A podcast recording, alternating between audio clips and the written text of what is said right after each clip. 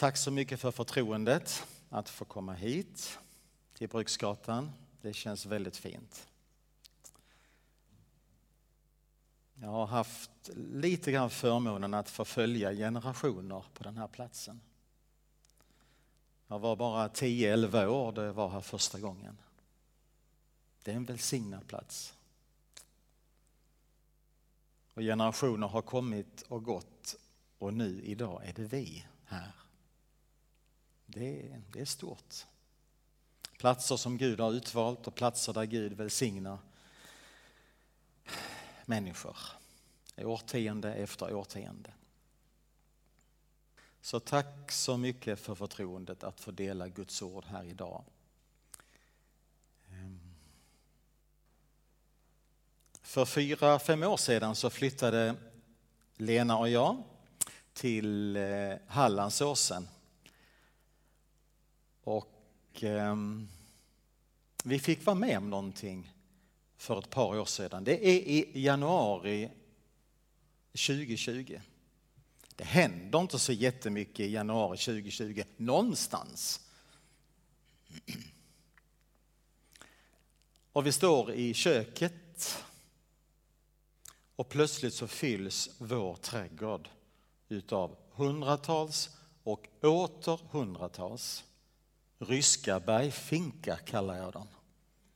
Därför en del kommer från Kamtjatka på östra Ryssland, det är rätt långt.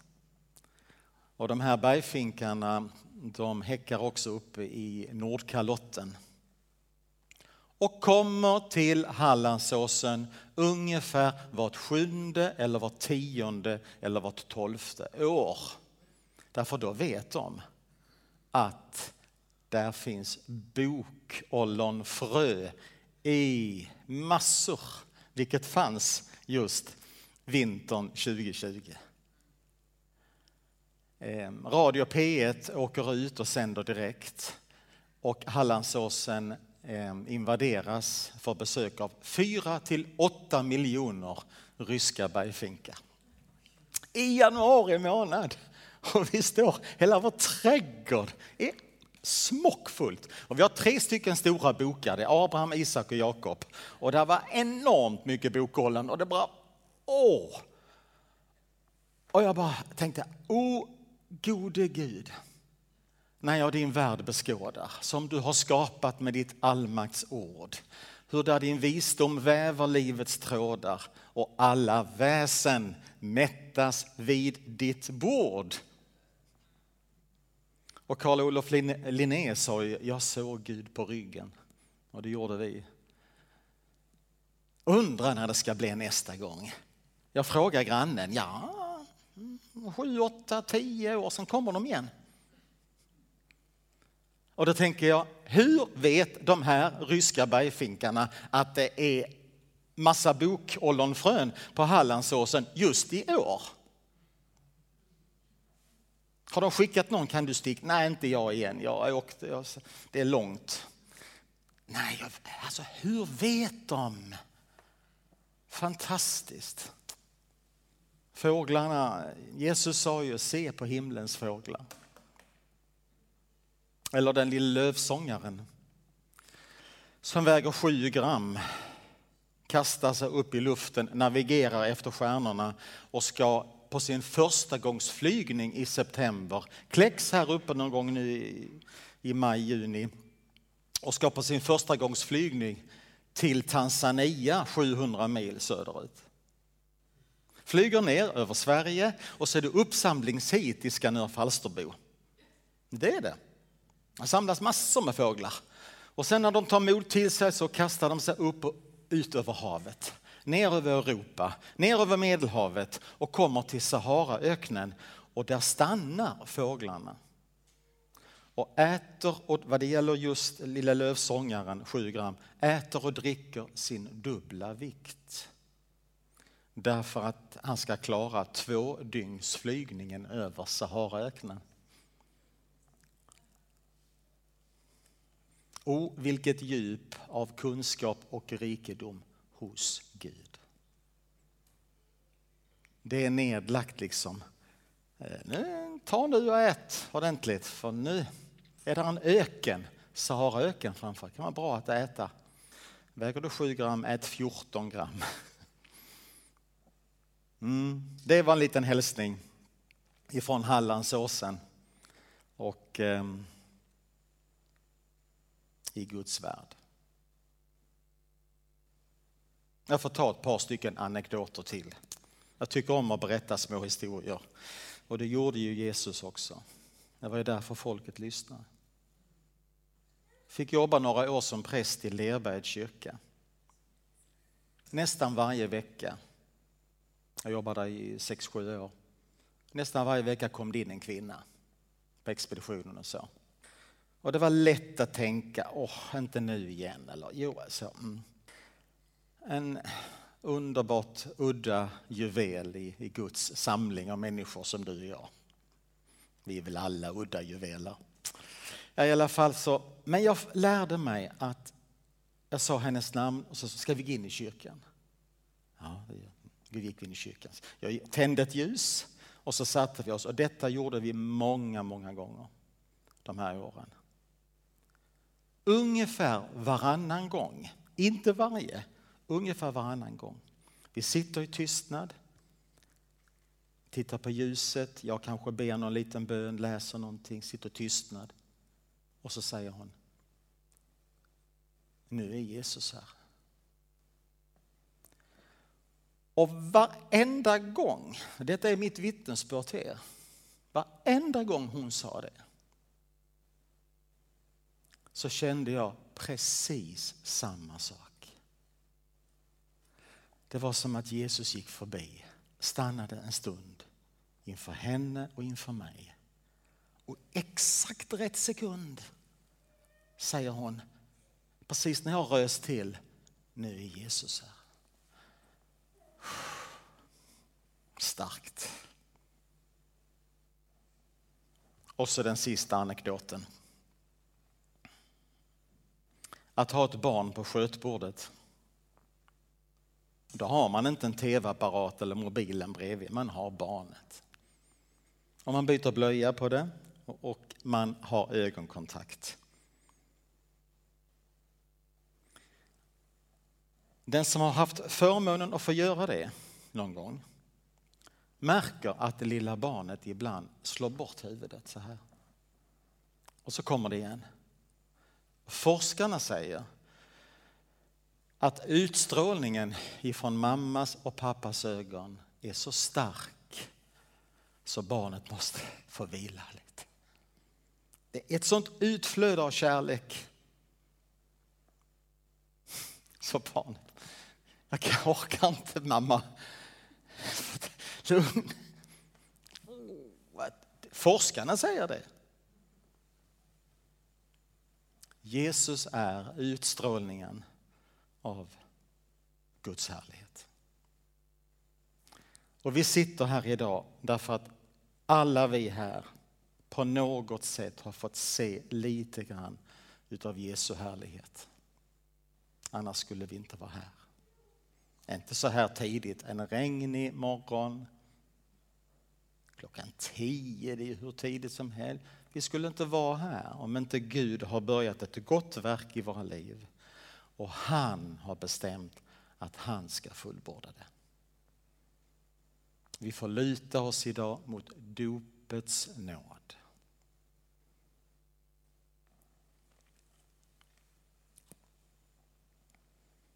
Sen vill jag gärna ha med, precis som Sofia sa, jag vill ju gärna ha med det här ämnet med blicken på Jesus. Och det passar ju alltid.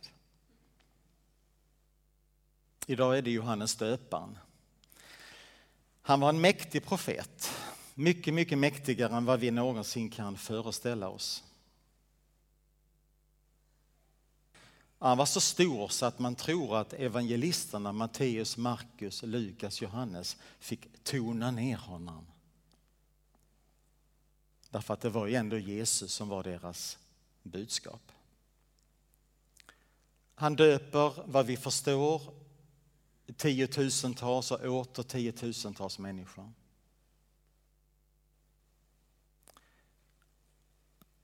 Vi skulle kunna använda ordet att han är otroligt populär.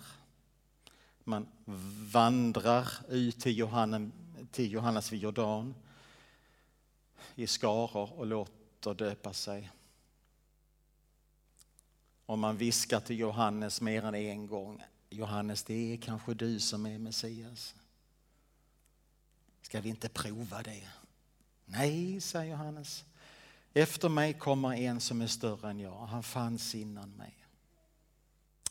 Och då säger Johannes, när han står på toppen av sin popularitet, jag hittar inget bättre ord, då säger han, se nu inte längre på mig, se Guds lam. Där är Guds lam som tar bort världens synd. Med blicken på Jesus. Och Hebreerbrevets författare, låt oss ha blicken fäst vid Jesus, trons upphovsman och fullkomnare. Och denne Jesus som idag kommer vid Jordans strand, han är född av Fadern före all tid. Han är ljus av ljus, han är liv av liv. Han är sann Gud av sann Gud, han är född och inte skapad. Och han är av samma väsen som Fadern. Och lärjungen Johannes som fick tillbringa tre år av sitt liv med Jesus och som stod in vid hans kors när han dog vittnar om honom i sitt evangelium och skriver vi såg hans härlighet. En härlighet som den enda sonen får av sin fader. Han var fylld av nåd och sanning. Så när jag åren igenom åter och återigen behöver fästa min blick på Jesus då, då, då vandrar jag lite grann i, i min tanke. Jag börjar i skapelsen, för jag vet att Jesus är med i skapelsen. Jag kanske går till Jesaja och läser ett av hans härliga profetier. Se den unga kvinnan ska bli havande. Jag vandrar till Betlehem där jag ser att människor i olika samhällsklasser böjer sina knä inför Jesus. Jag vandrar vidare med en öppen bibel i min hand till när Jesus är 33 dagar gammal och bärs fram i templet och den gamle Symeon kommer. Åh Herre, nu kan du ta hem mig. Jag har sett din frälsning.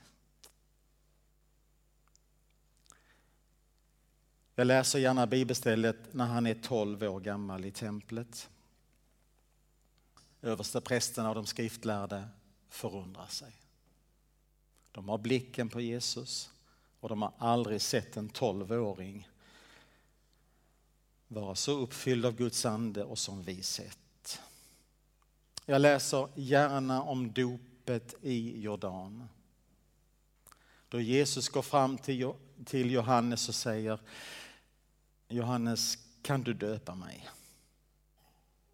Johannes, den största av kvinnafödd, med profetisk blick in i Guds rike, ser in i Jesu ögon och darrar till. Och säger Jesus, det, det kan jag inte. Han ser en man utan synd. Och denna mäktiga profet darrar till och säger, jag tror att det är du som ska döpa mig. Nej, säger Jesus, du ska döpa mig Johannes. Det är så vi ska uppfylla rättfärdigheten. Jag stannar till med en öppen bibel och läser det, tittar på det, bibelstället. Ser en skymt av Jesus. Jag kan följa honom ut i öknen. I 40 dagar går han en batalj med djävulen. Och jag ser djävulens öppningsreplik i, i eh, öknen som han har funderat på i tusentals år. Och han säger till Jesus, om du är Guds son. Om. Jag blev så fascinerad när jag första gången såg det. Lögnaren, djävulen, börjar med en lögn naturligtvis. Om du är Guds son.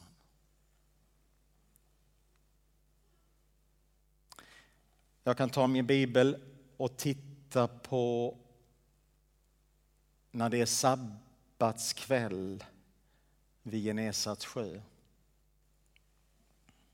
Och jag går till Lukas, jag vet precis var bibelställena är där jag har sett honom innan.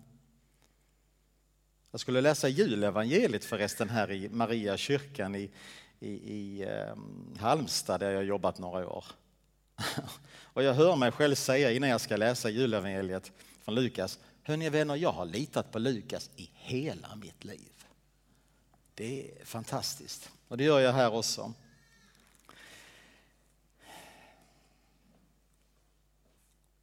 Och så många gånger får jag ge det bara som ett ödmjukt, enkelt vittnesbörd. Så många gånger i livet har jag slagit upp min bibel. Jag håller den i mina händer, jag tycker om att hålla i den. Hemma vid köksbordet eller någon annanstans. Och så vet jag i vänstra spalten där i Lukas där så står. Vid solnedgången kom alla till honom med de som led av olika sjukdomar. Och han lade händerna på var och en och botade dem. Sen läser jag inte mer. Jag läser om jag tittar på den. Med blicken på Jesus. Så det finns, så vitt jag vet, ingen genväg till ett andefyllt kristet liv. Vägen går alltid genom Guds ord.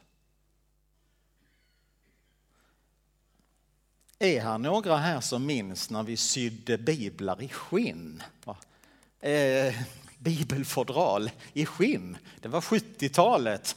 Jesusrörelsen från, från Amerika kom över och hade biblar i skinn. Vi köpte, jag var 13-14 år och köpte bibelfodral i skinn. Och vi hade biblar med på gudstjänsterna. Det var lite grann av en bibelväckelse där i början på 70-talet i Sverige. Det är stort att ta fram sin bibel. Och frågan är där, eh, trivs jag med min bibel? Det kanske är dags att köpa en ny. Fundera på det. Och man behöver inte läsa mycket. Jag slår gärna upp de här bibelställena om och om igen. Där jag har sett honom.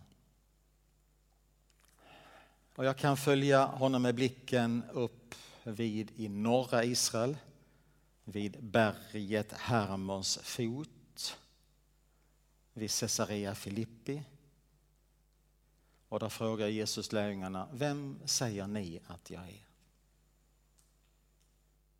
Jag tänker mig att det blir tyst först.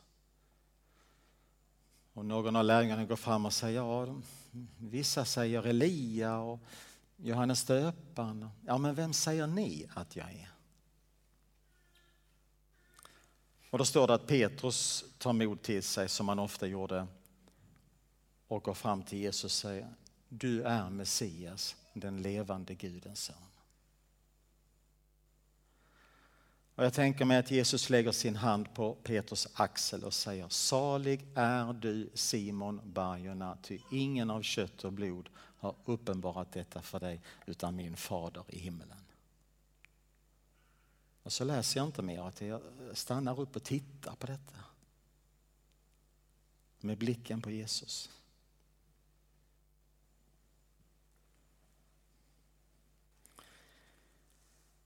Jag följer så gärna med till Sykars brunn. Den finns kvar i Sykar. Jag tänk, tänk man kunde åka dit någon gång. Det är ju på Västbanken. Det är inte så lätt.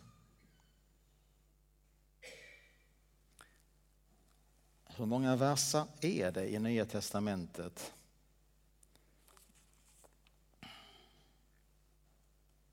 Det är en otroligt stor textmassa som Johannes har för att beskriva Jesu möte vid kvinnan vid Sykars brunn. Hon som går ut mitt på dagen. Därför hon vill inte möta någon annan människa. Men när hon kommer till brunnen så sitter Jesus där. Jag vill bara säga en sak om den berättelsen. För mig har det blivit så otroligt viktigt att när kvinnan kommer till Sykars brunn den dagen sitter Jesus redan där. Det är vad ditt dop handlar om, det du har fått i dopet. När du och jag vi är flanörer i tanken, när vi glömmer våran Gud både dag ett och dag två och dag tre och plötsligt kommer på att oj då, jag kanske skulle söka mig tillbaka nu, ska vi se, jag har inte Gud.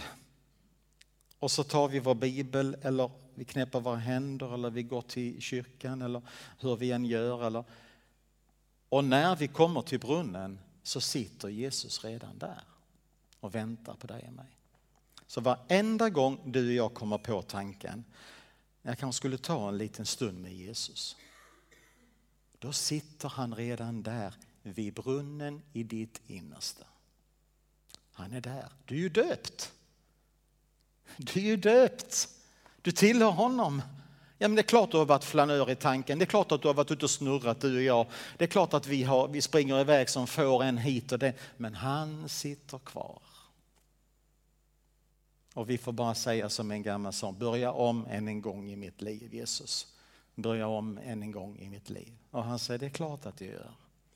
Jag har varit här hela tiden hos dig. Att luta sig mot dopets nåd.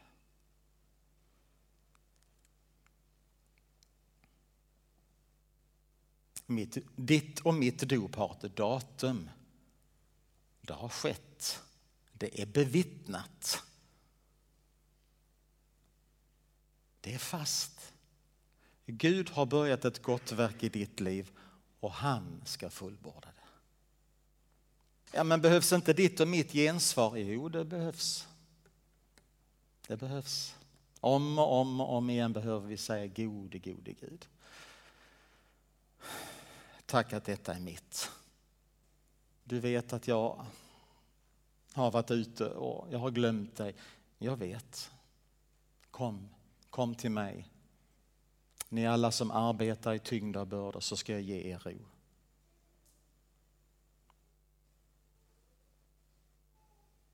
Och jag har följt med honom upp på berget Tabor. Berget Tabor ligger strax söder om Genesarets sjö. Det är inte alls eh, högt, kan vi tycka. Men där uppe förvandlades Jesus på berget Tabor inför lärjungarna. Och vi kan få se det med en öppen bibel. Sitta och titta på den händelsen. När Jesus förvandlas och Mose och Elia är där en helig stund. Det är gott att höra om det, att sitta och lyssna, absolut. Men att också läsa i sin egen bibel och göra en liten anteckning och stryka under, det är inte dumt alltså. Det är det som är min, min, min, mitt budskap idag. Ingen av er behöver tveka, vad var det han sa? Han, han, han snackar om det och han snackar om bergfinkar och det var bra, men eh, jo, jag har pratat om detta. Jag behöver återvända hit om och om. Jag har ingenting att säga. Jag har ingenting att ge om jag inte först har varit en liten stund med en öppen bibel. Du är Guds barn. Han vill vara nära dig. Så fortsätt att upptäcka Jesus i din egen bibel. Där har du allt jag vill säga idag. Tänk nu inte vad han sa. Fortsätt upptäck Jesus i din egen bibel. Och var är han när du återvänder? Han är här vid brunnen i ditt liv, för du är döpt. Är det så bra Allan, det du säger? Är det verkligen så bra? Ja, det är det.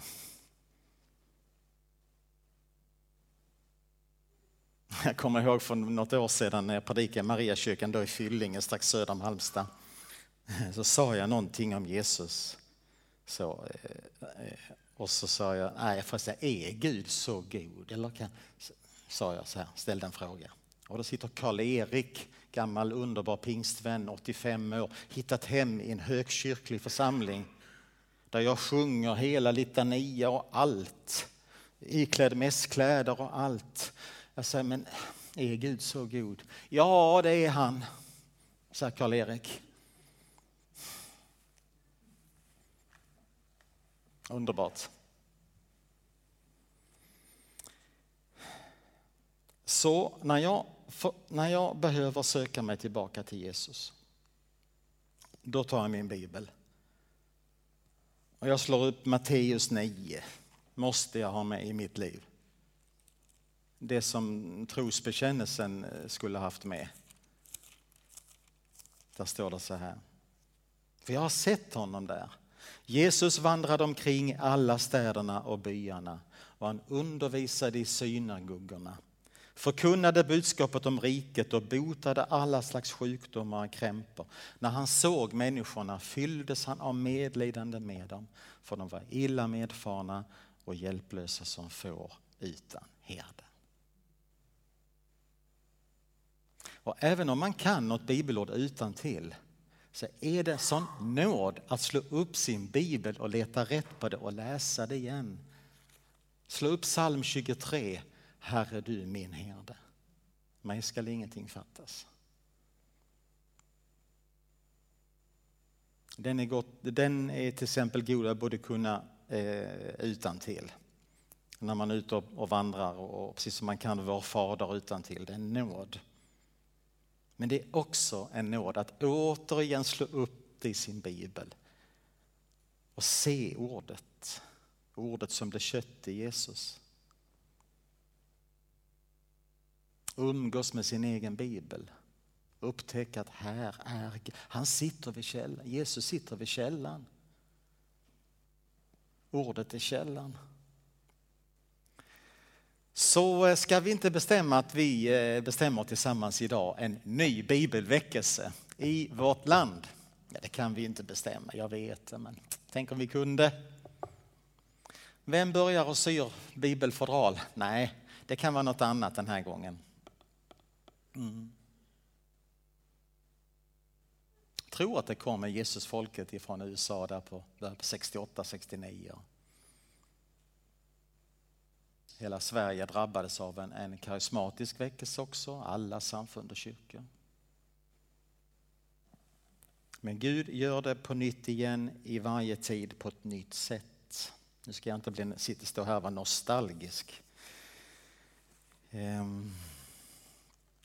Och sen följer jag så gärna i min bibel till ehm, skärtorsdagskvällen, där i nattvardssalen. När Jesus ligger på knä inför de tolv lärjungarna.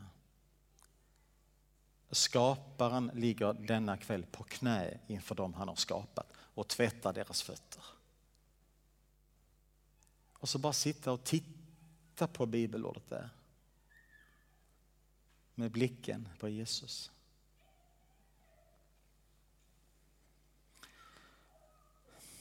Jag ska sluta min vandring med, jag läste teologi på Johannelund på tidigt 80-tal. Och eh, en andakt där, det var en pensionerad präst i, som kom till Lötenkyrkan och hade en andakt för oss teologistuderande. Och han ställde sig framför oss och och vi teologistuderande nu, där vi tänkte att jag har börjat kunna en hel del, vi är rätt duktiga och rätt så slipade nu. Och så läser han bara ifrån Johannes 17. Han bar själv sitt kors ut till den plats som kallas skallen på hebreiska Golgata. Där korsfäste de honom tillsammans med två andra men Jesus hängde i mitten. Och sen säger han så här till oss studerande har vi, har vi Jesus i mitten.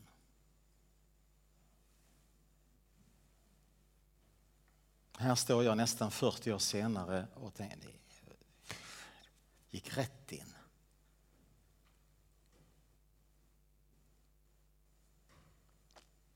Och jag slår alltid när vi befinner oss i fastan. Så går jag till Johannes 17. Jag vet precis vad det är. Men jag vill se det vi se om det stämmer idag också. Johannes 17.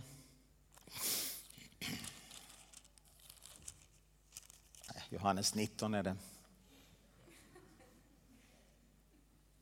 Johannes 19 och 17, vers 17. Där räddas jag. Där har 17. Mm. Han bar själv sitt kors ut till den plats som kallas skallen på hebreiska Golgota. Där korsfäste de honom tillsammans med två andra, en på var sida med Jesus i mitten.